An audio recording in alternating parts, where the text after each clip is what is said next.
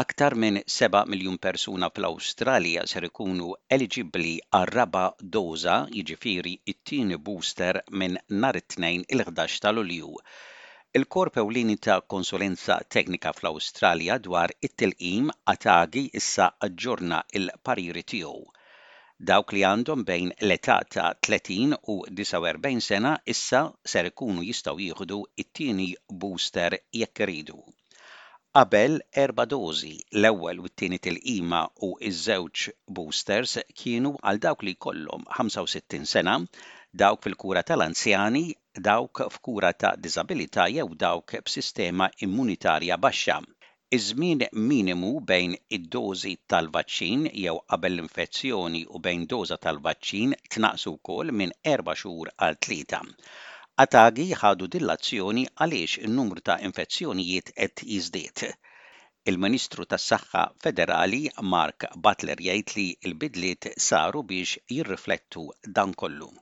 And the major focus of the fourth dose campaign is to reduce that risk of severe disease, hospitalisation, and death, which is why there's such a strong focus on people aged over 50, uh, as well as younger people who have compromised immunity or other health conditions. So, so there is no question that taking another fourth dose will boost your immunity, particularly if it's been several months since you had your booster. Some people had their boosters over the course of summer.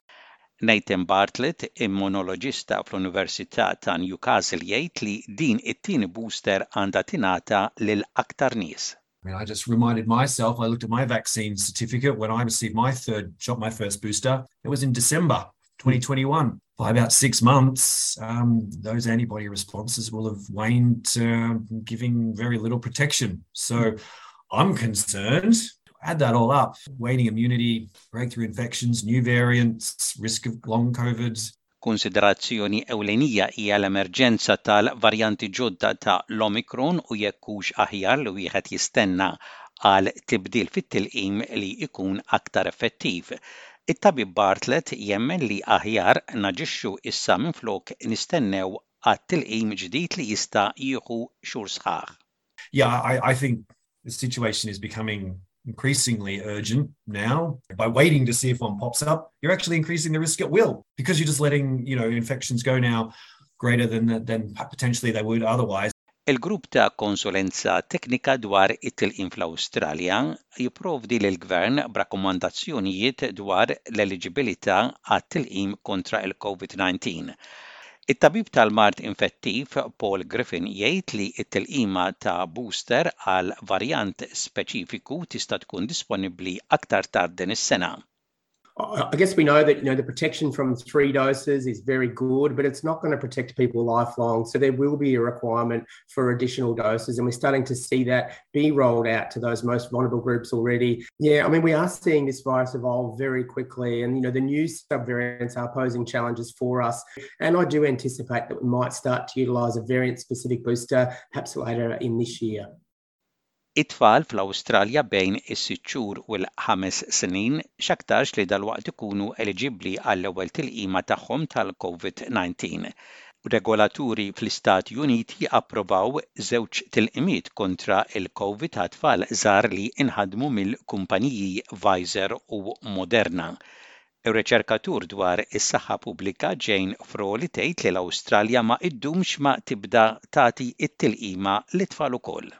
So, certainly, parents of children with other health conditions have been um, eagerly waiting the approval of this vaccine for their children. But even uh, parents with healthy children, it's advisable uh, if this, if and when this vaccine is approved in, for use in Australia, the parents should consider getting their healthy kids vaccinated as well.